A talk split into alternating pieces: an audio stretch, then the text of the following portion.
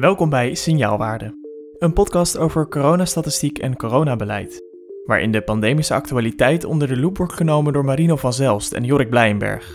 Vandaag bijgestaan door verpleegkundig specialist huisartsenzorg Nienke Ipenburg en IC-verpleegkundige Jessica. Mijn naam is Maarten van Woerkom en dit is aflevering 12 van Signaalwaarde.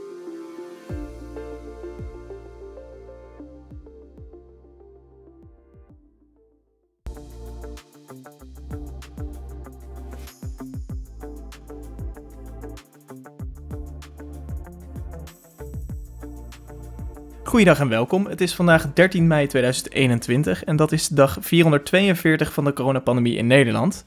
Ehm, Marino, Jorik, als ik jullie vraag waar het Nederlandse coronabeleid op stuurt, dan is dat... Zorg. Zorgcapaciteit. Ja, precies. En ehm, dat is dus ook het thema waar we vandaag bij stil gaan staan.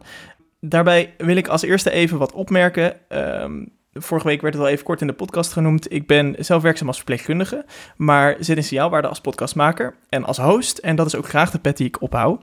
Ehm, dus ik zal zelf niet over de zorg gaan praten vandaag, uh, want daar hebben we twee hele boeiende gasten um, voor uitgenodigd.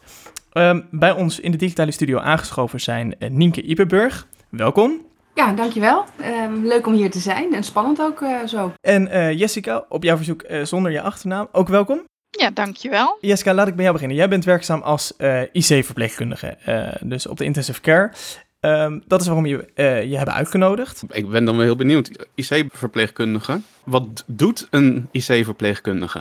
Ja, wij zorgen voor patiënten die ernstig ziek zijn. Dus die ondersteuning nodig hebben bij het overnemen van ja, organen of van de longen, multi-orgaanfalen. En hoe ziet je, hoe ziet je dag eruit? um, ja, dat is eigenlijk een, uh, een hele korte vraag op een heel lang antwoord. Want uh, uh, wij doen heel veel. En um, ik wil best eventjes vertellen hoe mijn dag eruit ziet. Maar ja, wij doen echt gewoon ontzettend veel. van beademing tot aan nierdialyse. Ehm, ja, gewoon lichamelijke zorg voor patiënten. Al, alles, wat er, alles wat erbij komt kijken. Ja. En hoe verschilt dat van een, uh, van een IC-arts? Ja, de arts maakt het beleid en wij zorgen voor de patiënt. Dus wij staan naast het bed. En uh, uh, ja, die patiënt, die arts die maakt het beleid rondom de zorg die die patiënt moet krijgen. En die geven wij. Duidelijk. Oké, okay, nou straks daar uitgebreid meer over. Nienke, jij bent werkzaam als verpleegkundig specialist binnen de huisartsenzorg, dus de eerste lijnszorg. Um, in het verlengen van de vraag van Jorik, hoe ziet jouw dag er dan uit? Ja, dat uh, klopt inderdaad. In de eerste lijn zorg. Als verpleegkundig specialist uh, binnen de huisartsenzorg ben je eigenlijk eerste aanspreekpunt voor elke vraag uh, die een. ja, ieder, ieder persoon in Nederland heeft natuurlijk een, een huisarts. Als er iets is aan de hand, als er iets is, dan, dan belt hij de huisartsenpraktijk.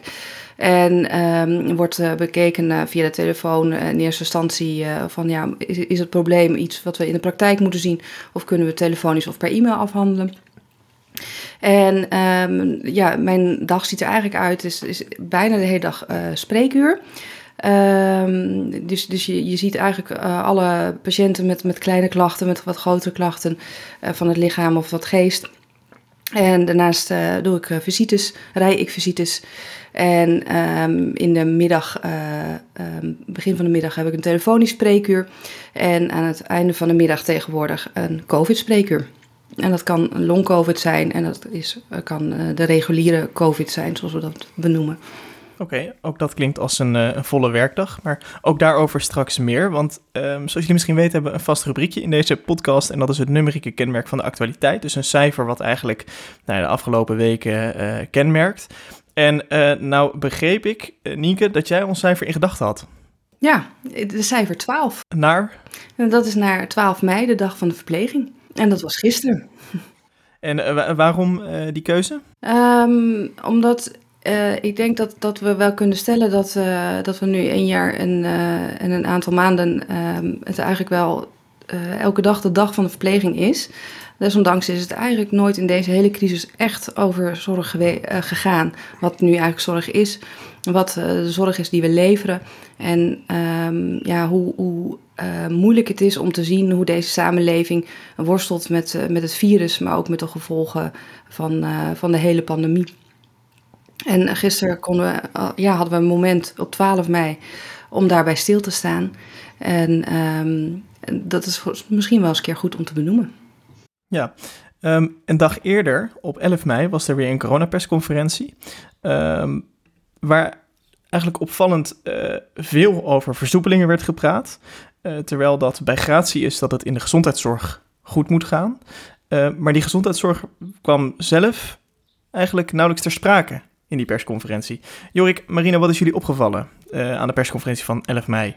Um, nou, in dit geval is het wat opviel, in tegenstelling tot voorgaande persconferenties, is dat in deze persconferentie werden versoepelingen aangekondigd met een uh, grote asterix erbij, zo'n sterretje. Um, want we hebben ook een soort van noodstopknop dat versoepelingen niet door kunnen gaan um, als er een aantal voorwaarden niet is voldaan. Namelijk dat de IC-opnames bij de kliniek en op de, de IC-opnames, sorry, en de nieuwe opnames in de kliniek, dat die, als die niet voldoende dalen, dan gaan de versoepelingen niet door. En dat was eigenlijk wel iets nieuws. Dat we in tegenstelling tot voorgaande keren meer sturen op de cijfers en niet alleen op de datum uh, zelf. Oké, Marino, was jou nog iets opgevallen? Ja, nou ja, hetgene wat mij opviel was dat het eigenlijk niet over de zorg ging. Uh, buiten het benoemen van het aantal opnames wat dan gerealiseerd zou moeten zijn, en die daling. Uh, en daarbuiten ging het eigenlijk vooral over uh, vaccineren, vakanties, uh, feestjes. het was een leuke persconferentie. Het idee had je bijna, zeg maar, het zijn allemaal leuke dingen in het verschiet. Um, terwijl in, de, in de zorg, in de volle breedte, maar daar kunnen onze gasten zo meteen heel uitgebreid over vertellen, nog echt wel kritiek is. Um, ook als we kijken naar de cijfers. Um, dus dat vond ik eigenlijk wel vreemd. We hebben natuurlijk de afgelopen paar keer sowieso persconferenties gehad. waarin um, uitgelegd werd van ja, het is spannend wat we doen, het is een risico. En nu werd er wel benoemd, het is een risico, maar niet ten aanzien waarvan. Um, dat vond ik zelf eigenlijk wel uh, gek.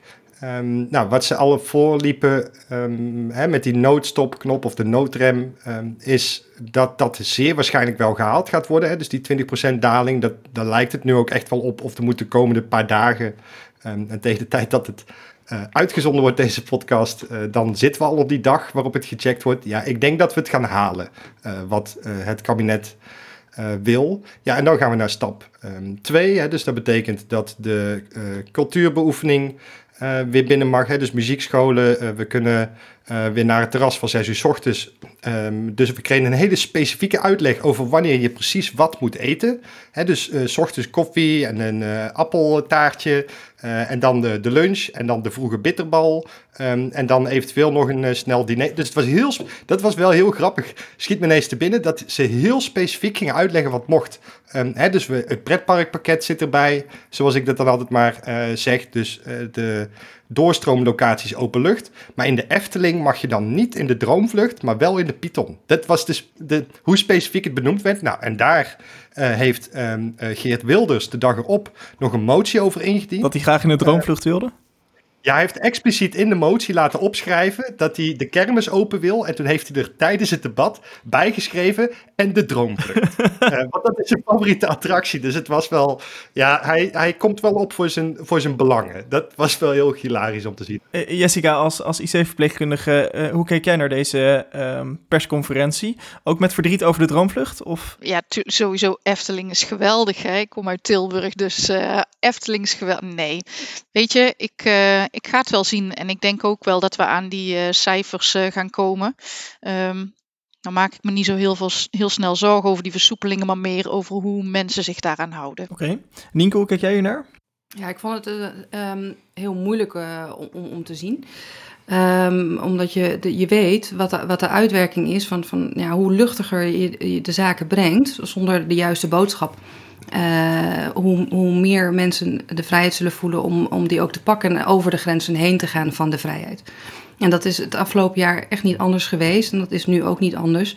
Dat typeerde gisteren Um, gisterochtend eigenlijk ook meteen het nieuws. Ik zat, uh, was onderweg naar mijn werk. En het eerste wat op het nieuws kwam was... Uh, nou, er is een persconferentie geweest. Is gesproken over de vakanties. We mogen weer op vakantie. En dat heeft direct na de persconferentie ook geleid... tot een enorme run op, uh, op de reisbureaus. Um, ja, dat, dat, dat baart me zorgen. We zijn er gewoon nog niet. En, um, en punt natuurlijk dat, dat de zorg niet benoemd is. En waarom vind ik dat zo belangrijk? Niet omdat ik onszelf belangrijk vind. Maar ik het heel erg belangrijk vind dat de mensen, de burgers, uh, elkaar niet ziek maken en niet uh, nog zieker maken dan, dan, dan dat ze al zijn. En dat, dat is de reden waarom we hier uh, een, een pandemie proberen te bestrijden. En dat werd compleet weggelaten. Alsof de pandemie niet meer bestaat en alleen nog maar een opening bestaat naar een ja, wereld waarvan we nog niet weten hoe die eruit gaat zien. Ja, want dat die pandemie bestaat, dat zien jullie dagelijks uh, tijdens het werk. En ik denk dat het goed is als we daar naartoe gaan. En om, uh, Nienke, jij zit in de eerste lijn. Um, Jessica, jij werkt in het ziekenhuis. Uh, dus uiteindelijk gaat die COVID-patiënt, die gaat van de eerste lijn naar het ziekenhuis. Die komt weer thuis terug in de eerste lijn terecht. Dus het leek mij goed om eigenlijk die COVID-patiënt eens even te gaan volgen in deze podcast. En daar uh, jullie werkplek uh, en ja, jullie werkdag en wat jullie allemaal doen en hoe het daar gaat bij te betrekken. En daarvoor heb ik uitgezocht meneer De Vries. Um, dat is overigens geen echte persoon, maar dat hebben we voor deze podcast uh, bijeengezocht. Dat is een man van 46 en uh, die heeft enkel wat hoge bloeddruk. En sinds een paar uh, jaar doet hij eigenlijk weer fanatiek aan hardlopen. Dus een gezonde man. Heeft een fulltime baan, is getrouwd, heeft een zoon, actief betrokken bij de voetbalvereniging. Nou ja, um, een redelijke doorsnee man. Hebben we het over, uh, met, in de CBS-podcast ook nog wel eens uh, over gehad. Volgens mij tik ik nu niet alle, alle boxen daarvan, maar um, moet je die, die aflevering maar eens terug luisteren. Maar goed, meneer De Vries, um, ja, die was ja, paar laatste dagen eigenlijk al niet zo lekker. Uh, dat is een paar dagen na de laatste voetbaltraining van zijn zoon, uh, dat hij wat verkoudheidsklachten kreeg. Eigenlijk een uh, ja, vrij standaard verhaal wat we uit de persconferentie wel kennen. Wat, wat verkoudheidsklachten, niet lekker. Um, hij liet zich testen bij de GGD en hij blijkt COVID positief. Dat is allemaal heel vervelend. Blijf thuis, netjes uh, de maatregelen volgen. Maar na ziektedag 5, hij is nu vijf dagen echt wel ziek en die klachten nemen toe, uh, neemt hij contact op met zijn huisarts. Uh, hij gaat steeds moeizamer de trap op en hij wordt maar kortademiger en kortademiger. Soms ook wat, wat pijn op de borst. Um, en hij belt zijn huisarts en dan komt hij bij jou terecht, denk ik, Nienke. Klopt dat? Ja, dat klopt wel. En uh, ik moet zeggen, allereerst uh, heel veel uh, respect voor meneer De Vries dat hij bij zijn milde klachten aanvankelijk zich al laat testen. Een realiteit is wel dat, dat, dat mensen dat steeds moeilijker vinden om in te schatten wanneer moet ik nou eigenlijk laten testen. Wil ik mezelf nog laten testen? Um, dus, de, dus daar is heel veel discussie over en gedachtegang over. En uh, dus het is al heel fijn dat meneer De Vries uh, besluit om zich op een, uh, ja, in een snel tempo te laten testen. En ook dus heel snel weet dat hij positief bevonden is. En dan gaan er eigenlijk allemaal al radertjes werken, zonder dat de eerste lijn daarbij betrokken raakt. En namelijk via de GGD wordt er natuurlijk bron- en contactonderzoek gedaan, zover het mogelijk is in, in bepaalde infectiegraad. Um, ja, ik werk in een wijk waar de infectiegraad ontzettend hoog ligt. Dus waardoor het misschien wat minder mogelijk is om goed bron- en contactonderzoek te doen. Maar hopelijk uh, krijgt meneer De Vries wel de juiste instructies van ja, wat uh, houdt quarantaine en isolatie nou eigenlijk in? Wat houdt het in voor zijn gezin? En, uh, en een van de zinnen in de standaardbrief is ook bij gezondheidsklachten bel uw huisarts. Dus in dit geval heeft hij dat gedaan. En um, op dat moment uh, krijgt hij de assistent aan de telefoon. Die, die, die gaat um, in eerste instantie telefonisch beoordelen van nou, wat zijn nou eigenlijk precies de klachten? Hoe is de ademhaling? Um, hoe klinkt hij aan de telefoon? Um, kan hij bijvoorbeeld hele zinnen maken of is dat moeilijk? Uh, is hij de hele tijd aan het hoesten of niet? En op basis daarvan wordt dan bekeken van, nou, is het mogelijk voor hem om naar de praktijk te komen op een veilige manier? Hè? Dus, dus zonder dat hij andere mensen besmet en zonder dat hij de OV in moet. Of is, het uh, is dat niet mogelijk bijvoorbeeld omdat hij te ziek is of omdat er geen vervoer is of geen mantelzorg is? Uh, en moeten wij dus een visite doen. En um, nou goed, wat je heel veel ziet bij, uh, bij het COVID-beeld, en zeker van iemand van 46, is dat ze het gevoel hebben van nou, ik kan wel naar die praktijk komen. En uh, dus wordt hij op ons COVID-spreekuur gepland. zodat ik hem veilig En volledig beschermd, ehm, ehm, als het beschikbaar is, tenminste, beschermingsmateriaal hem kan zien. En ehm, wordt hij daarop ingepland, zodat ik alle tijd en ruimte heb om hem volledig te beoordelen. Ik wilde eigenlijk nog terug op het begin wat je zei van goed dat mensen zich laten testen. Merk je dat ook uh, in de praktijk, dat, dat, uh, dat mensen bij jullie komen terwijl ze niet getest zijn? Ja, dat is zeker waar. Ja, de, en ieder heeft zijn eigen reden daarvoor. Uh, Hoeveel gebeurt dat? Dagelijks. Ja, meer, en meerdere malen dagelijks. Ja.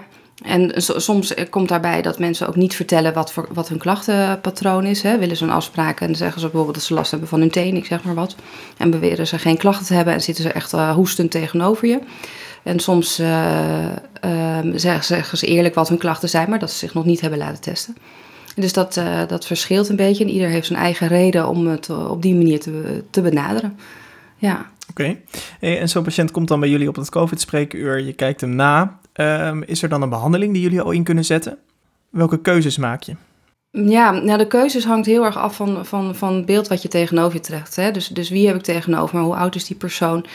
Um, nou, in dit geval 46 jaar, het is een man. En um, uh, hij heeft eigenlijk uh, alleen een uh, hoge bloeddruk. is verder hartstikke gezond. Dus dan ga ik echt heel erg af van, van wat ga ik meten en hoe, hoe zie ik hem zitten. Dus hoe is zijn gezicht, uh, hoe is zijn huidskleur, hoe zijn de kleuren van zijn lippen. Um, hoe zijn zijn slijmvliezen eraan toe? Want dat kan bijvoorbeeld een uitdroging uit, uh, uh, ja, daar kun je uit afleiden. Hè, dus je, je gaat heel erg observeren hoe zijn ademhaling. Zit hij bijvoorbeeld een, een lage adem, normale adem, ademhaling, zoals jij en ik? Of uh, zit die ademhaling heel erg hoog uh, richting zijn keel bijna, zijn borstkas? Is het heel erg kort? Is het heel erg snel? Dat tel je, dat kun je ook tellen. Um, is hij continu aan het hoesten um, of niet? En sommige mensen kunnen vanuit benauwdheid denken dat ze aan het hoesten zijn, maar zijn eigenlijk gewoon heel erg benauwd. En dat kan bijna hetzelfde klinken. Daarnaast heeft uh, corona ook echt een heel typisch hoesje. Dat, ja, die hoor ik s'nachts in mijn slaap nog wel eens. Dat, uh, dat het heel erg typeert.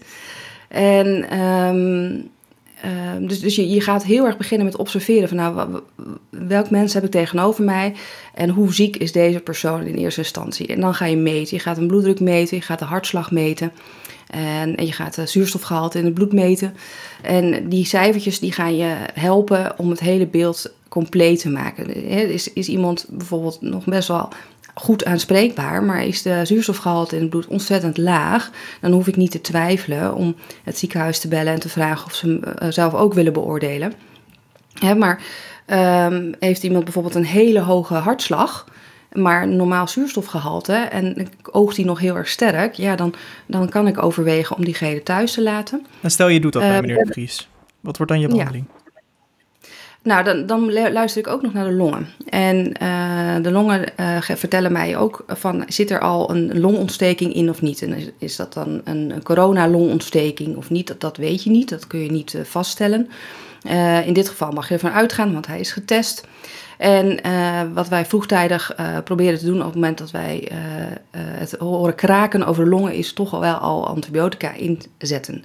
Dat is niet uh, om de corona te bestrijden, dat zeg ik er even expliciet bij, maar om de bijverschijnselen van een longontsteking, dat wel bacterieel kan zijn, um, alvast te stoppen. Dus, we, dus dat zou een behandeling kunnen zijn. Uh, andere behandeling is soms toch ook niks doen en mensen de tools te geven om zichzelf thuis in de gaten te houden. Dus bijvoorbeeld uh, een zuurstofmetertje mee te nemen en uit te leggen waar ze op moeten letten en een temperatuurmeter en, enzovoort. Dus, dus het, het, behandeling kan medicinaal zijn. In dit geval van corona hebben we heel weinig. En soms is een behandeling ook iemand de, de tools te geven om zichzelf thuis in de gaten te houden. Oké, okay. nou in het geval van meneer De Vries doe je dat. Je stuurt hem weer naar huis. Mm -hmm. uh, maar op ziektedag 8, eigenlijk drie dagen later, neemt hij opnieuw contact op met de praktijk en zegt hij dat het echt niet gaat. Um, en um, gaan jullie langs. Het lukt hem niet meer om uh, vanwege een hele matige inspanningstolerantie om uh, nou ja, naar um, uh, naar de praktijk te komen. En uh, eenmaal aangekomen thuis uh, zie je meneer De Vries op de bank liggen, half rechtop zittend met een hele hoge ademfrequentie. Um, hij heeft een saturatie van 85% zonder zuurstof, dus dat is heel laag. Um, en heeft een forse ademarbeid. Um, wat wordt dan je beleid? Ja, op dat moment bel ik de ambulance.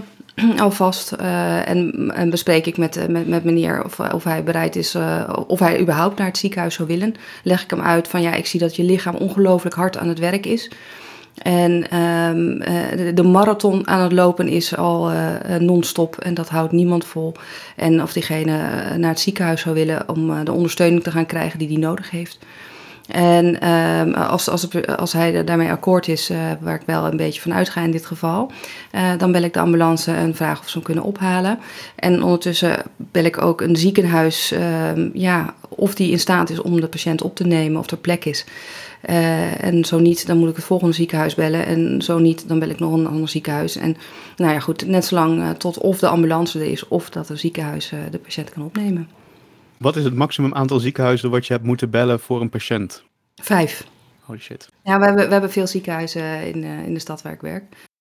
Je hoort dat vaak hè, dat een ziekenhuis uh, vol is of dat er geen bedden zijn. Of, um, wat betekent nou dat concreet voor jou in de eerste lijn?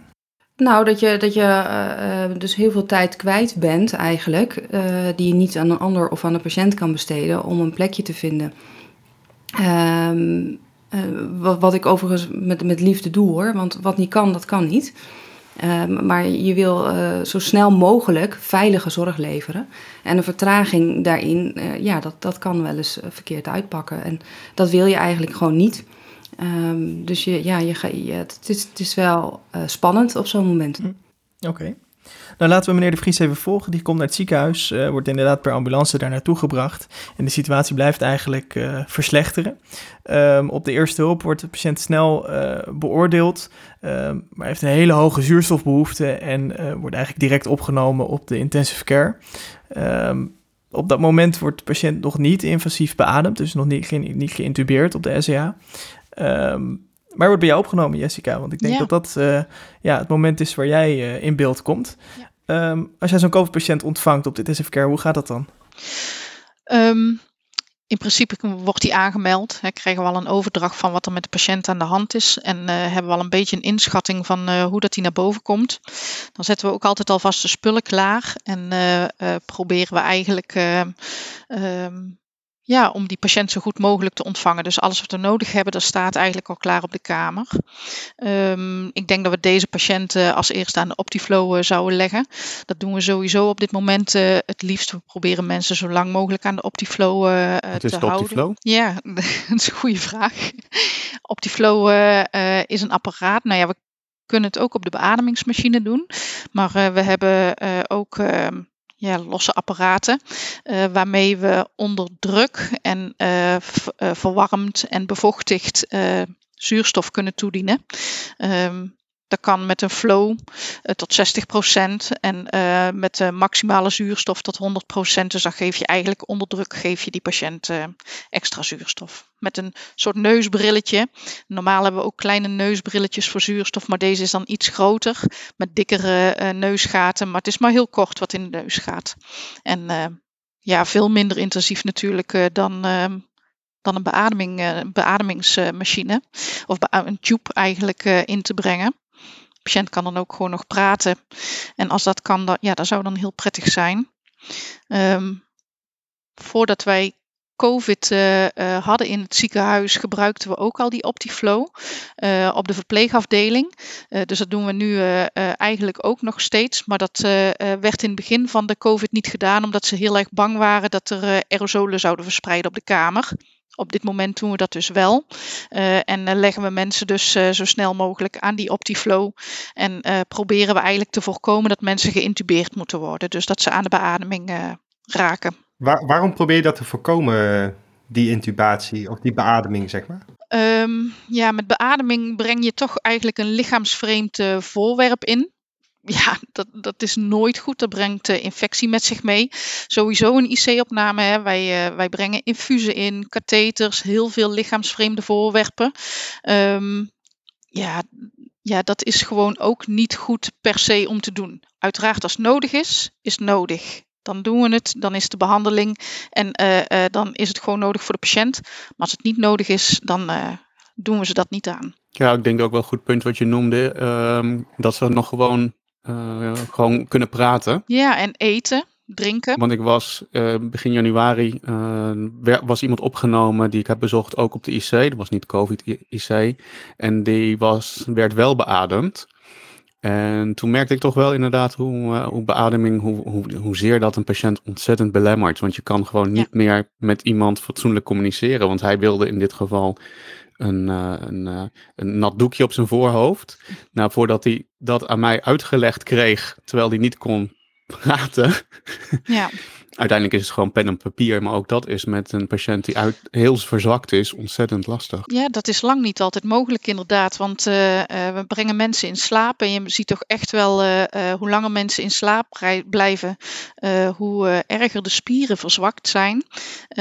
Mensen kunnen dan niet even een pen oppakken en op papier schrijven wat ze willen. Ze kunnen zelfs niet eens heel makkelijk aanwijzen op een letterkaart ehm, wat ze willen. Dus dat is heel moeilijk, communicatie. Ja. Ik vroeg me wel af, want je schetst eigenlijk hè, de zorg voor, voor zo'n COVID-patiënt. Uh, dat is niet het enige werk wat je doet. Je werkt al, al lang op de IC, ook pre-COVID uh, natuurlijk.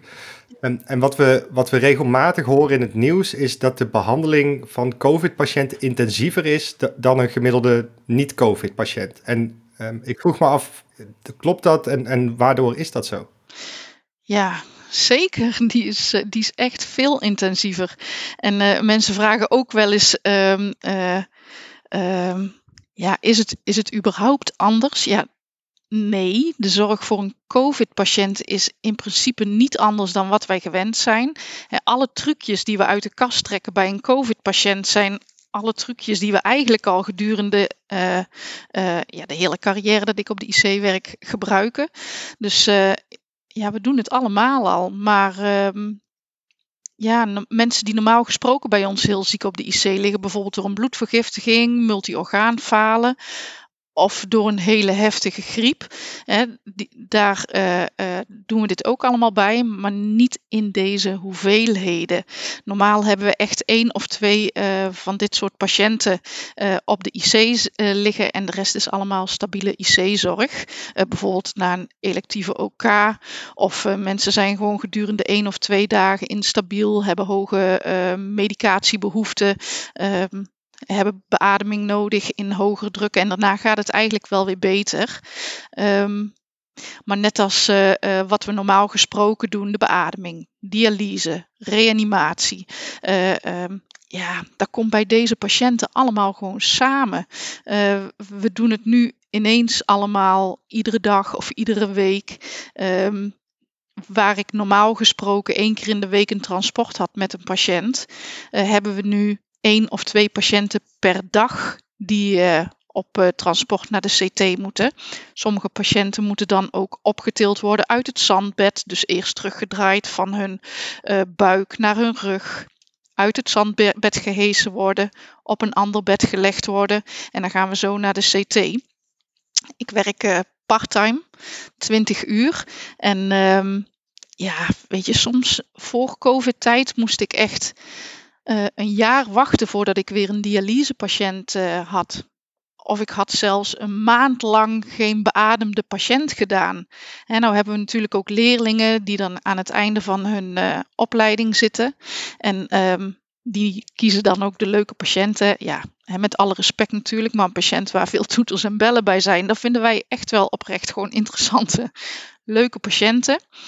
En dan duurde het gewoon echt wel een tijdje voordat ik weer bepaalde handelingen had gedaan. Of uh, ja, een, een dialyse of een buikligging. Ik werk elf jaar op de intensive care. En voordat de COVID kwam, had ik zes keer een patiënt in buikligging gelegd. Dat doe ik nu iedere dag, meerdere malen.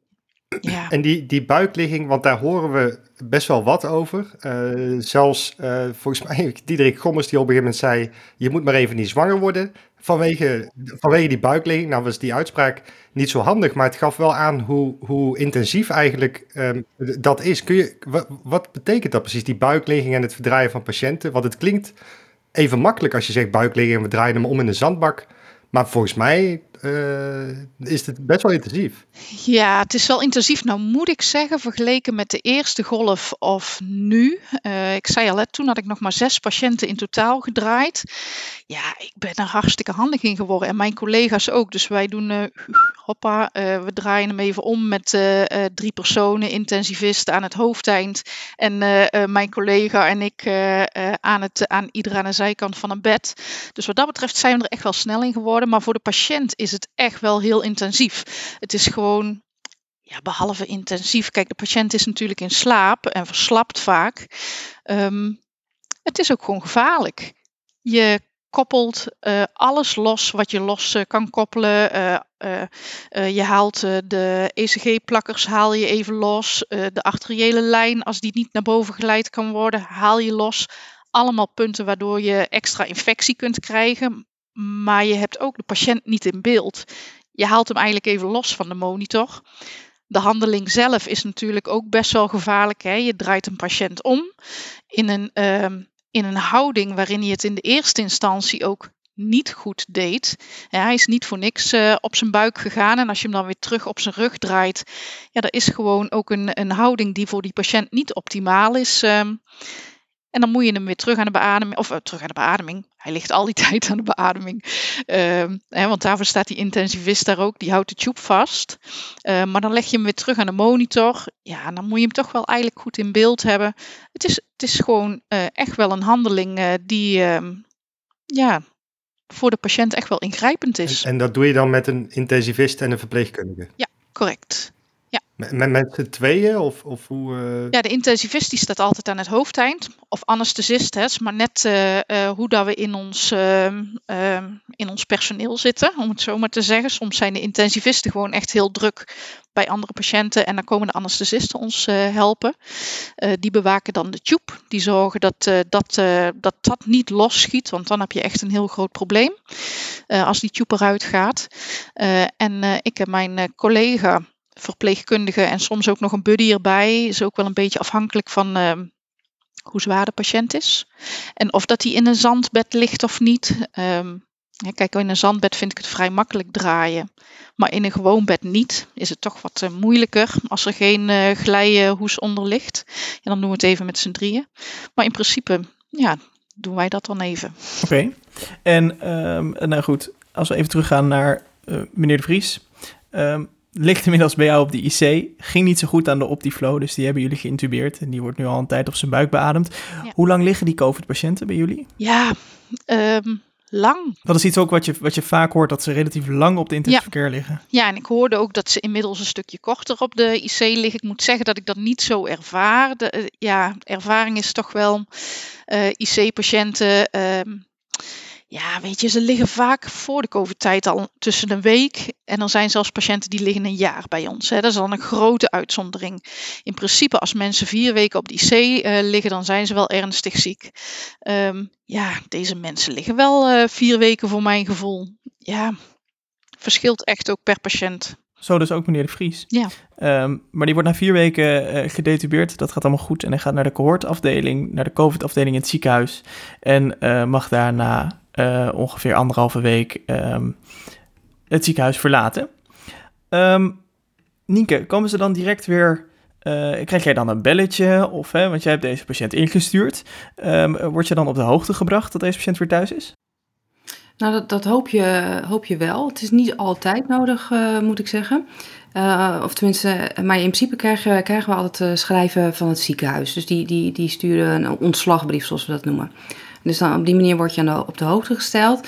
En is het zo dat, dat iemand extra zorg eh, thuis eh, nodig heeft, dan bellen ze, worden, worden we vaak wel gebeld. Oké. Jessica, spelen jullie eh, als ziekenhuis daar nog een rol in? Ehm, In de, in de tijd na de intensive care? ja, zeker. Ehm, sowieso. Eh, wij eh, ehm, hebben daar een rol in, in de zin van dat we mensen eh, normaal gesproken op de nazorgpolie eh, uitnodigen. Het is eh, inmiddels algemeen bekend, tenminste voor, mij, wellicht niet voor andere mensen, dat, maar, dat mensen na een uh, IC-opname echt wel een uh, post-intensive care syndroom uh, kunnen krijgen.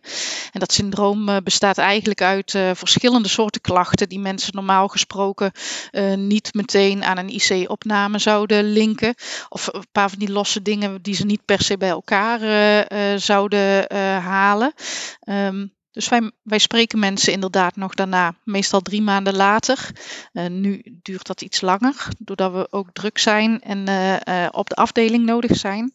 Maar ja, wij, wij spreken die mensen nog op de nazorgpolie. Oké. Um, dan in de thuissituatie bij meneer De Vries. Daar gaat het eigenlijk matig. De weken nadat hij uit het ziekenhuis is, ja, blijft hij gewoon niet lekker. Um, het is zelfs zo dat hij mogelijk opnieuw ingestuurd zou moeten worden, uh, omdat hij wat zuurstof um, uh, behoeftig lijkt. Um, waren het niet dat daar een oplossing voor komt en dat hij thuis tijdelijk zuurstof krijgt, zodat hij niet naar het ziekenhuis hoeft? Uh, is dat iets wat jullie in de praktijk doen? Um, ja, ja je, je hebt uh, verschillende vormen van, uh, van thuismonitoring uh, wat dat betreft. En daar zijn sowieso in het hele land verschillende pilots op verschillende momenten ehm, zijn daarop ingezet. Um, maar je, je kunt, we kunnen inderdaad thuismonitoring inzetten met, samen met behulp van de thuiszorg. Een ontzettend belangrijke schakel in deze hele COVID-pandemie zijn, uh, zijn onze collega's van de thuiszorg die uh, ongelooflijk veel zorg, ook vanuit het ziekenhuis, maar ook voor, vanuit, vanuit ons, voor ons opvangen. zowel technisch als ehm, ja, gewoon ook, ook qua monitoring, maar ook in, in, in, in geestelijke zorg.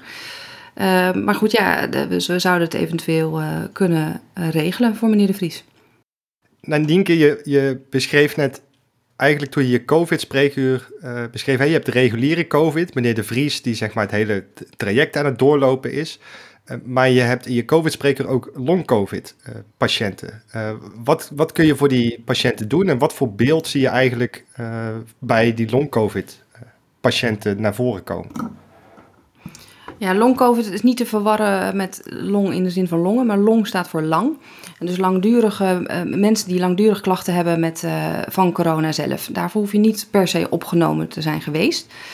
Uh, om die klachten te ontwikkelen en, en, en weer terug te gaan de maatschappij in, zoals je gewend was. Uh, dus het, het, kan zijn dat je na een infectie met, met de corona, dat je, dat je ziek bent geweest, um, al dan niet uh, heel veel last hebt gehad. En dat je dan op een gegeven moment denkt van hé, hey, nou de ergste klachten zijn voorbij. En nou uh, sta ik op en ga ik weer door, maar het, het lukt niet. ik ben heel erg moe of je bent toch heel snel benauwd. in dit geval, meneer De Vries, die was wel opgenomen geweest. Dus die, die heeft sowieso een heel lang revalidatietraject. Ehm, die die af zal uh, moeten gaan.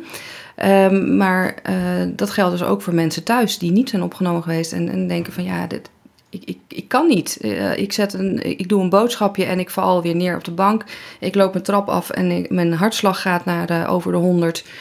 Um, dus, dus ze blijven heel veel klachten houden. En dat geeft ook meteen zorgen, dat geeft stress. Uh, ze hebben vaak, uh, ja, ook omdat je niet altijd iedereen is opgenomen, vaak jongere mensen die, uh, die nog werkgevers hebben.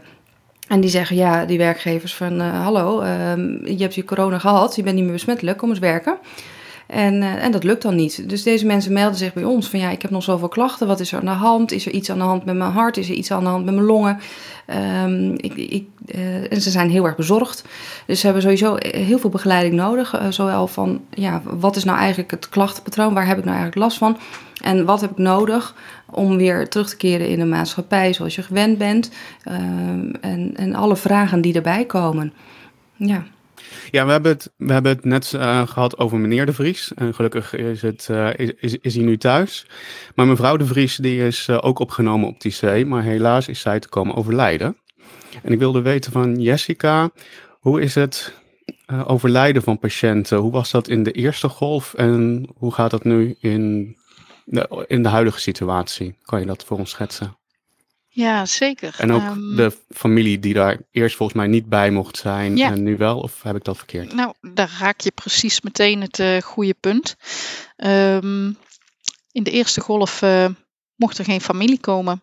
Uh, uitzonderingen dagen later, er waren wel plekken waar wel wat uh, familie mocht komen, maar dan was het één, één bezoeker per patiënt. Maar over het algemeen mocht er inderdaad geen bezoek komen. Wanneer je afscheid gaat nemen van een patiënt, dus als wij zien um, dat de patiënt komt te overlijden, dan bellen wij altijd de familie op en dan geven we aan van nou, het gaat niet goed, kom maar deze kant op. Um, ja, daar ging nu wel iets anders. Sowieso omdat de patiënten in de eerste golf met corona echt ook heel snel konden overlijden. Dan lagen patiënten vier weken bij ons en um, had je alles uit de kast getrokken en um, drie tellen later waren ze overleden. En dat was echt wel, um, ja, we konden niet varen op onze gebruikelijke klinische blik hebben het heel moeilijk mee gehad. Um, dat die patiënten dus zomaar ertussenuit piepten. Uh, zonder dat we het eigenlijk aan zagen komen. Er waren heel veel redenen geweest al eerder waarvoor dat die, uh, waardoor dat hij zou komen te overlijden. Uh, maar dat gebeurde niet en dan gebeurt het ineens wel. En dan wil je eigenlijk wel dat er familie bij is. Dus zodra de familie, of zodra de patiënt overleed, belden wij wel de familie. Of als wij dachten het gaat niet goed, kom toch maar hierheen. Dus dat was bij ons wel toegestaan. Um, want het is gewoon onmenselijk ja, als je dat niet uh, toelaat. Nu zien we vaker dat, uh, ja, dat er toch wel iets meer bezoekers bij zijn dan dat we normaal gesproken toestaan. Op dit moment mogen er uh, twee eh, bezoekers per patiënt. Uh, wanneer iemand heel slecht ligt en ehm, wanneer dat we denken dat hij komt te overlijden of we gaan stoppen met de behandeling, ja, dan maken we hier en daar wel een uitzondering en dan, ja, dan mogen de familieleden er gewoon bij zijn in beperkte mate wel. Niet zoals voorheen uh, met uh, een bediening bijvoorbeeld en uh, met z'n allen om het bed heen nee, dat is echt anders. Ja. Dat is een hele zware periode. Ook, ook voor de nabestaanden. Hoe is dat ja. nu voor jullie? Want je schetste dat het eerst heel lastig was om een overlijden te zien aankomen. Wat je gewoon op gevoel doet als, als, als medisch expert. Um, hoe is dat nu? Ik moet zeggen dat, um, dat we het steeds beter in de vingers krijgen. Um, ja, vind ik lastig. Want uh, uh, ik denk dat het ook gewoon eraan ligt dat we ons niet meer zo laten foppen. Dus we weten dat het heel snel kan gaan. Um, maar de, de, behandeling is ook beter geworden. Waardoor, ja, hoe leg ik dat uit? Patiënten die zijn niet meer in die mate instabiel dat ze in één uur uh, uh, tot zes keer toe dalen naar een bloeddruk van 60 over 30. Hadden we voorheen wel, um, maar dat hebben we nu niet meer zo. Dus ze zijn wel iets stabieler, als ik dat zo kan zeggen, dan toen. Ik, ik vroeg me af, wat jij schetst eigenlijk, Jessica, dat het wel veranderd is. Hè? Over tijd, zeg maar, wat je de eerste golf zag en de tweede golf uh, met de drie pieken ja. tot nu toe. En ik vroeg me af, Nieke, zie je dat bij jou in de huisartspraktijk nou ook veranderen? Of, of is daar gewoon eigenlijk constant wel hetzelfde verhaal het afgelopen jaar? Nou, de, wat we in de eerste golf heel erg hadden, uh, was dat, dat de mensen binnenkwamen lopend en dat we ons heel erg verrast voelden over de lage uh, zuurstofwaardes uh, in het bloed. En um, dat is nog steeds wel zo. Um, maar het beeld lijkt ook wel te kloppen. En ik denk dat het ook is wat Jessica zegt. Dus we laten ons wat minder snel foppen. Uh, en we hebben nu eigenlijk ook wel geleerd. Kijk, in de eerste golf moesten we zoveel mogelijk de mensen proberen thuis te houden, thuis uitzieken. We wisten geen ruk van die hele ziekte niet. En um, uh, behalve dan dat het besmettelijk was en als mensen echt ziek waren, dat het dan gewoon echt wel een gevaarlijk probleem werd. Um, dus, dus je probeert dan in de eerste golf konden we niet zoveel, uh, alles was dicht, we hadden een enorm tekort aan, aan beschermingsmaterialen. Uh, dus dus de, beperkingen waren te groot om een, goede, een goed zicht te houden op wat er gebeurde met mensen. We wisten te weinig. En uh, we weten nu meer, dus we houden wat strakker de vinger aan de pols. En mensen die weten ons ook sneller te vinden. Van nou, ik heb deze klachten, deze zorg. We kunnen het veel beter uitvragen, omdat we weten waar we naar moeten vragen. En, ehm, en als het maar minst of geen niet vertrouwen, ja, dan, dan, uh, dan trek je de kleding aan en, en, en, je gaat er naartoe. Of je haalt ze naar je toe. En ik wil gewoon soms, dat zeg ik ook wel eens, ik wil gewoon die longen horen nu. Ik weet niet wat, waar ik mee te maken heb, ik wil het nu horen. En dan, uh, dus dan heb je het veel sneller in de smiezen uh, hoe het gaat met, met iemand. Um, wat me nog wel nog steeds opvalt, omdat we ook, ja, we zien toch ook de jongere populatie die toch echt wel heel erg ziek kunnen worden. Dus is bijvoorbeeld, uh, en waar we wat minder over horen in de media, is dat mensen bijvoorbeeld binnenkomen en zeggen van ja, nee, ik heb geen koorts. Nee, nee, nee, heeft het gemeten? Nee, nee, ik heb niet gemeten. Of onder de oksel of in de mond. Uh, allemaal, hè, dus, maar ik heb geen koorts, want dat, dat voel ik wel. En dan steek ik een thermometer in en dan uh, is het toch 39,5. En dat, dat, dat, dat stukje zie ik echt nog steeds heel veel voorbij komen. En, um, maar goed, ja, ons onderbuikgevoel, waar verpleegkundigen natuurlijk bij uitstek heel erg onbekend staan, die begint weer te werken. Want we beginnen de mensen te kennen, we beginnen het ziektebeeld te kennen en te herkennen. En um, voorheen waren we daar al heel erg sterk in. Um, en uh, verraste ons de waardes of de plotseling overlijden of we konden niet meer vertrouwen op ons onderbuikgevoel. En dat stukje begint ook weer terug te komen. En dat, dat maakt het gewoon heel erg belang, belangrijk dat we, dat we gewoon kunnen blijven moeten observeren wat er gebeurt. Daar sluit ik mij volledig bij aan. Nou, ik denk dat we daarmee uh, meneer De Vries maar uh, vaarwel gaan zeggen. Want uh, met het achterlaten van meneer De Vries wilde ik met jullie even gaan kijken naar een wat breder beeld. Uh, we vroegen aan het begin van de podcast al hoe jullie naar de persconferentie van afgelopen week um, hadden gekeken. Als ik dat nou even wat breder trek en we kijken naar het afgelopen anderhalf jaar, dan is het enorm vaak over de zorg gegaan. Um, maar wordt die zorg, hè, er wordt gestuurd op zorgcapaciteit, wordt die zorg ook vaak afgezet tegen de belangen in de economie en de belangen in de samenleving. Hè. Dus leuke dingen doen, uh, winkels open, de middenstand houden. En dat wordt bijna vaak als een soort tegenstelling wordt dat neergezet, wordt dat gepresenteerd. Hoe kijken jullie daarnaar? Ja, ik, ik, zie, ik zie een hele duidelijke uitruil van maatregelen. En uh, ook gisteren weer na een debat. Het, lijkt bijna een koehandel te worden van wie uh, welk belang maar het hardst belang, uh, behartigt. die komt het verst in, deze, in het debat van het coronavirus. En daarmee leidt het af om datgene van waar het over zou moeten gaan. Hè, hoe wij als samenleving zouden moeten kunnen functioneren samen Um, hoe we niet zozeer wegkijken voor andermans ellende, maar hoe we het samen kunnen aanpakken om uh, ons sterker te maken en, en, en de draagkracht uh, onderling te vergroten. Jessica, hoe is dat voor jou? Ja, ik weet niet wat ik daar meer over kan zeggen. Ik vind het uh, op sommige momenten heel lastig. Andere momenten denk ik, ja ik vind het soms te frustrerend om hier überhaupt een mening over te vormen omdat ik te veel frustraties op dit moment uh, uh, soms vanuit uh, werk heb en drukte en ehm, ja, nee. Ik weet het niet wat ik ervan moet vinden.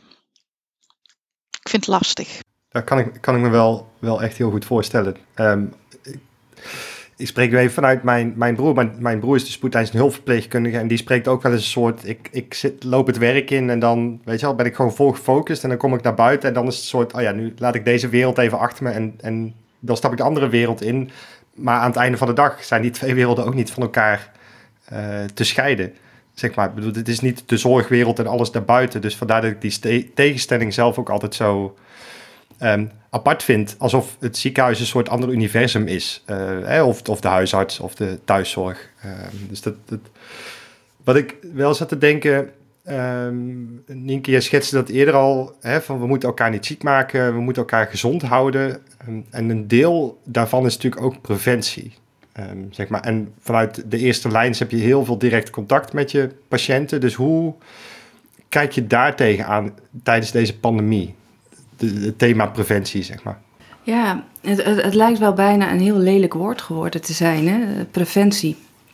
Um, dat ook door, doordat die maatregelen natuurlijk zo tegen elkaar, tegenover elkaar worden gezet, ehm, wordt preventie nu door heel veel mensen gezien als een beperkende factor in, in, in, in hun vrijheid. Ehm, dat is het eigenlijk niet. Het is iets wat we, wat we al, al jarenlang willen uh, en zouden willen toepassen.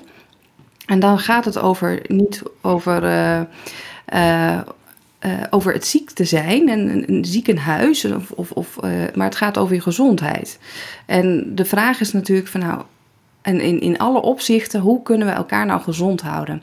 Want dat maakt dat dat je ook een meer draagbare samenleving creëert, waarin je niet zozeer wegkijkt voor andermans ellende, wat ik al eerder benoemde, maar dat je zegt van nou, hoe kunnen, hoe kunnen we elkaar gezond houden? En in de virusbestrijding is dat van nou, hoe zorgen we ervoor dat we elkaar niet besmetten? Want dat is wat je eigenlijk een beetje ziet gebeuren.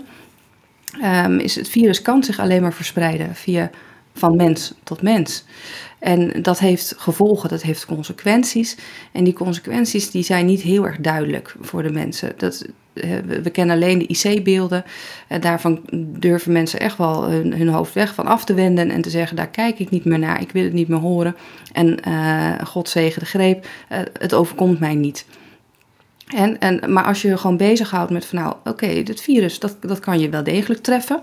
En als je geluk hebt, dan uh, treft het je niet zo hard. En als je pech hebt, dan kun je de gevolgen daarvan dragen. En we moeten met z'n allen niet willen dat een ander de gevolgen draagt van jouw gedrag. En dat is hoe je elkaar gezond kunt houden. Dus dat we zeggen van nou, ik zorg voor jou en jij zorgt voor mij. En laten we, laten we dat uh, op een goed mogelijke manier en binnen alle mogelijkheden die we hebben uh, proberen uit te voeren. Zeker in een, in een rijk land als Nederland. Ja, we zijn heel dicht bevolkt. Uh, de mogelijkheden zijn er niet altijd. Dus dan kijk je met name met elkaar van nou, wat is er wel mogelijk daarin, opdat we elkaar niet besmetten. Nieke, dat klinkt als een, uh, uh, als een, als een goed verhaal en een nobele boodschap. we moeten elkaar gezond houden.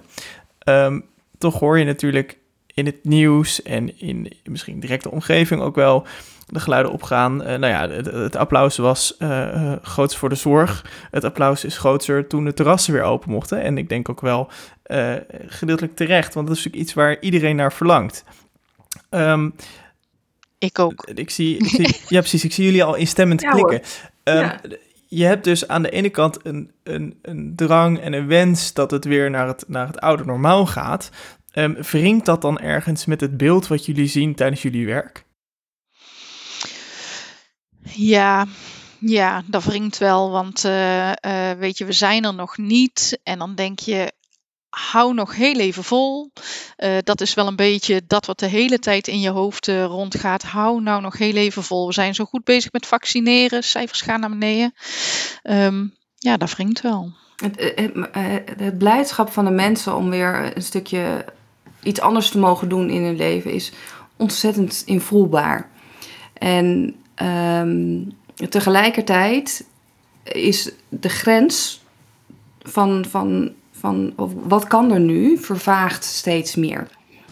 En door niet uh, te benoemen wat er tegenover staat en, en wie daar voor zichzelf moet gaan opofferen um, om een ander buiten te laten gaan en het terras op te gaan en zijn biertje te laten drinken, door dat niet te benoemen, um, zal die grenzen steeds vaker worden opgezocht, uh, omdat mensen het dan niet meer voelen voor zichzelf. Um, wat de consequentie is van hun gedrag. Het is onzichtbaar, hè? Dat wat er achter de deuren gebeurt, uh, eigenlijk. Ja, het is heel erg onzichtbaar. En dat, dat, dat is, daar is Koningsdag een ontzettend mooi voorbeeld van geweest. Omdat waarschijnlijk de, uh, de mensen, uh, er zijn hele duidelijke clusters uitgekomen. Uh, dat is nu misschien voor de zorg niet geheel invoelbaar, maar wel voor de GGD, die, um, die, die dat maar allemaal moet gaan stroomlijnen. En ook voor de huisarts, die dan toch de mensen ziet die niet het ziekenhuis in hoeven, maar wel zorgbehoeftig zijn. en, en dat, dat, die gevolgen hoor je dan niet. En de mensen die daar uiteindelijk dus die long-covid van overhouden, dat, dat, hoor je ook niet. Dus dan is het heel erg makkelijk om te zeggen van ja, zie je, we konden met z'n allen feesten, er gebeurde niks. Want de ziekenhuizen stroomden niet vol. Nou, maar dat, maar dat is niet hoe het werkt. Er zit, er zit nog veel meer omheen. Ja, maar mensen voelen zich ook uh, um, onaantastbaar. Hè? Ze hebben ook het idee, het, het, gaat mij niet treffen, want ik ben jong, ik ben gezond, ik uh, sport, ik, uh, ja, dit raakt mij niet. Ja, maar de, de, consequentie is wel, is dat hoe onvoorzichtiger je wordt, hoe meer virusdeeltjes je mogelijk binnenkrijgt. En hoe meer virusdeeltjes je binnenkrijgt, hoe zieker je wordt. En dat zagen we ook heel duidelijk aan de zorgmedewerkers in de eerste golf. Er zijn natuurlijk ontzettend veel besmet geraakt. Ik weet niet of jij weet hoeveel cijfers. Uh, uit mijn hoofd is dat iets meer dan 170.000 vastgestelde besmettingen bij zorgmedewerkers. Uh, waarvan er natuurlijk een, een, aantal opgenomen en overleden. Ja, 33 overlijdens, uh, dat we weten. Ja, 33 van onze collega's zijn overleden. En en dat wat we weten, want mogelijk zijn het er gewoon meer en weten we het gewoon niet allemaal. En de, dus hoe, hoe meer virusdeeltjes je binnenkrijgt, hoe, hoe zieker je kunt worden. Uh, met alle gevolgen van dien. En uh, hoe, hoe besmettelijker het wordt om het weer door te gaan als jij doorloopt. Zonder dat, dat je echt heel erg door hebt hoe besmettelijk je wel niet bent.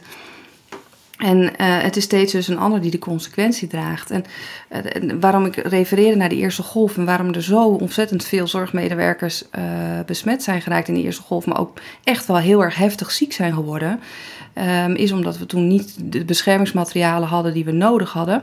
En tot op de dag van vandaag, zeker buiten de ziekenhuizen, dat nog steeds niet voldoende beschikbaar is. Maar ja, dat virus is er nog steeds. We zijn nog steeds niet allemaal gevaccineerd. Um, dus, dus die voorzichtigheid is wel heel erg. Ja, ik, ik vraag, ik smeek het bijna.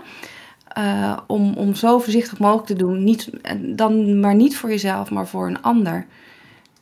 Opdat een ander maar niet ziek wordt. Duidelijk. Um, je, je, had het inderdaad erover over de uh, beschermingsmiddelen, zorgen dat er voldoende voor is. Uh, daarvoor moet je denk ik ook opkomen. Om dan weer terug te gaan naar het uh, cijfer van de week 12 en daarbij dan de dag van de verpleegkundige. gisteren was het ook op Nieuwsuur. Uh, kwamen opeens ziekenhuizen erachter, leek het dat verpleegkundigen toch best wel een belangrijke beroepsgroep zijn binnen het uh, ziekenhuis. In Rijn, hadden ze bijvoorbeeld een crisisbeleidsteam opgericht, waarbij geen uh, verpleegkundigen aan mochten schuiven. Althans, dat zei de, de, de, raad van bestuur zei van dat mocht wel, maar toen schakelden ze gelijk over naar iemand van de verpleegkundigen die zei van nou, daar moesten we wel eerst even om vragen. Uh, uiteindelijk was het raad van bestuur daar dus ook heel blij mee dat ze erbij zaten, wat eigenlijk wel logisch lijkt. En ik vroeg me af, hoe, is de, hebben jullie daar iets van gemerkt in jullie omgeving dat, uh, dat jullie positie is veranderd? Of zou het nog sterker moeten? Of... Dit, dit, dit is een lang verhaal. En met een, waar we een hele lange adem voor nodig gaan hebben. En uh, het gaat namelijk niet over positioneren, maar om um, wie duid je aan als expert en, en wie kan uh, behalve um, zijn visie vertellen, um, zo dusdanig sterk zijn dat hij zegt van nou ik eis ook informatie. Dus, dus dan kun je weliswaar een adviesraad ingaan. maar uh, de vraag is, word je dan wel geïnformeerd zoals het nodig is over je eigen vak? En dat, dat, is, dat, is, dat punt is, dat is een, daar, daar zijn we gewoon nog niet. En daar is de politiek heel erg hard mee bezig. Maar de onderschatting zit hem echt in, in van, nou ja, goed, we, we, we hebben echt een behoorlijke professie. Daar hebben we heel erg hard voor gestudeerd. En het wordt afgedaan als iets wat, wat, wat door iedereen te vervangen is. En meepraten mag pas als je erom smeekt. En uh, ja, in die positie zitten wij. Eh, terwijl... Ervaar je dat nu ook zo? Um, nou ja, ik, ik, kan, ik kan iets zelfstandiger werken in een huisartsenpraktijk, maar dit is, dit is wat ik terugkrijg van, van collega's uh, in het land. En uh, ja, nou ja, goed, het, het is, ze zullen, uh, wat je ziet, een heel goed voorbeeld, zijn de lessons learned van VWS in, na de eerste golf. Hè, van nou, wat kunnen we leren van die eerste golf? Daar werden alle experts uit de laag getrokken, daar zaten welgeteld nul verpleegkundigen bij. Dus je wordt niet als expert gezien, je wordt als uitvoerder gezien. En daar, zit, daar gaat het ja, scheef. Ja, dat is inderdaad wel opvallend. Ehm, daarbij moet ik zeggen dat uh, in het ziekenhuis waar ik werk, uh, ervaar ik het niet zo. Um, maar je hoort het inderdaad van alle kanten vanuit het land uh, dat we niet uh, voldoende gehoord worden. Um, als ik ga kijken naar mijn eigen situatie en ik heb op meerdere intensive cares uh, in Nederland gewerkt, is dat je als IC-verpleegkundige toch een net iets andere um, ja, aan, uh, een iets ander aanzien hebt wellicht. Uh, ja, wij worden wel gehoord. En uh, ook het beleid op de afdeling ehm, waar ik werk of waar ik heb gewerkt, dat wordt wel gewoon gehoord. ook mijn leidinggevende kijkt echt wel naar hoe het met ons gaat. En um, of er bedden gesloten moeten worden als dat nodig is. Want als het gewoon niet gaat, dan gaat het niet. en als wij kunnen meedenken, doe dat. En um, ja, naar mijn gevoel wordt daar bij ons uh, wel dan gehoor aan gegeven en echt naar geluisterd. Maar ik besef, ik besef heel goed, um, want ik heb natuurlijk ook gewoon op verpleegafdelingen gewerkt. Um, ja, dat dat, uh, en op, in andere instellingen, dat dat overal echt wel anders is als uh, waar ik nu zit. Ja laten we die, die medezeggenschap of die invloed even, even opschroeven. En uh, uh, over uh, een paar maanden is de formatie klaar. Het kabinet heeft een, nieuwe minister van VWS nodig. En het is een duobaan deze keer. En Jessica en Nienke worden uitgenodigd als de duobaan ministers van VWS. Jullie mogen twee dingen aanpassen aan hoe dit nu met het coronabeleid um, gaat. wat doen jullie? Jeetje. Verderrie van een baan. Nee, dank je. Uh, ja, uh. roepbaan. Het, het, het, zou me verbazen als het gebeurt, want uh, vooralsnog uh, wordt gedacht dat een uh, minister van VWS per definitie een medicus moet zijn. um, daar gaan we al. maar, ik heb hier echt ook nog nooit over nagedacht dat ik denk, nou als ik nou die functie krijg, ga ik dit doen. Nee, dat is echt totaal niet waar ik me op dit moment mee bezig hou, want dat is echt utopie. Ja, ja. Dank je Jessica. Nu ligt het op mijn schouders. Ja, super dit. Ja. ik, uh, ik, zou inzetten op uh, verbinding en samenleving. En uh, heel algemeen, maar uiteindelijk is het wel zo dat, uh, dat, dat, er, dat, er, dat, dat er wel een stukje leiderschap nodig is. En iemand op die positie die durft te zeggen van jongens, ik kan dit niet alleen. En daarom doe ik het ook met Jessica. Die zou roepen medezeggenschap gewoon, want dat is wel echt uh, wat we horen vanuit het land. Ja, ja precies. En um, uh, we, we, gaan kijken wat, wat, het beste is voor deze samenleving. Um, om die leiderschap te tonen en de mensen daar neer te, neer te gaan, gaan zetten waar ze moeten staan. Buiten de gebaande systemen om. Want die systemen tot nu toe werken niet. Dus dat is, lijkt me heel simpel. Dus dan moet je het anders gaan doen. Ik had echt gedacht dat een soort doe mij FFP2 antwoord zou komen. Maar, maar er was een veel meer meta samenleving. Ik vind het mooi. Ja, en waardering. Hè? En geld voor degenen die niet zoveel verdienen. Want er zijn echt verpleegkundigen natuurlijk die uh, op de verpleegafdeling keihard werken en die uh, wel iets meer salaris uh, verdienen. Nou, kijk, luister, je kunt niet, je kunt niet verwachten van, van zorgmedewerkers dat ze, dat, ze, dat ze anderhalf jaar lang, lang volledig aanstaan, alles opgeven wat, wat hun lief is en er zelf aan onderdoor gaan aan, aan, aan, de situatie zoals het nu is. En dan te zeggen van, nou, maar we gaan niet meer, meer geld geven. Uh, nee, je kunt niet zeggen tegen, tegen, tegen het zorgpersoneel van ja, je doet alles wat wij vragen, um, maar je krijgt er niks voor terug. Dat kan niet. Dus daar moet serieus naar gekeken worden. Laten we hopen dat dat, uh, dat, dat zal doorklinken in Den Haag. En daarmee uh, komen we aan het einde van deze aflevering van Signaalwaarde. En ontzettend bedankt dat jullie nou ja, dit inkijkje wilden geven in de gezondheidszorg en de COVID-zorg. Want uh, nou ja, we hopen dat dat een, uh, een welkom uh, inkijkje was om eens even te zien hoe de situatie er nou echt voor staat. door de mensen die daar dagelijks mee te maken hebben.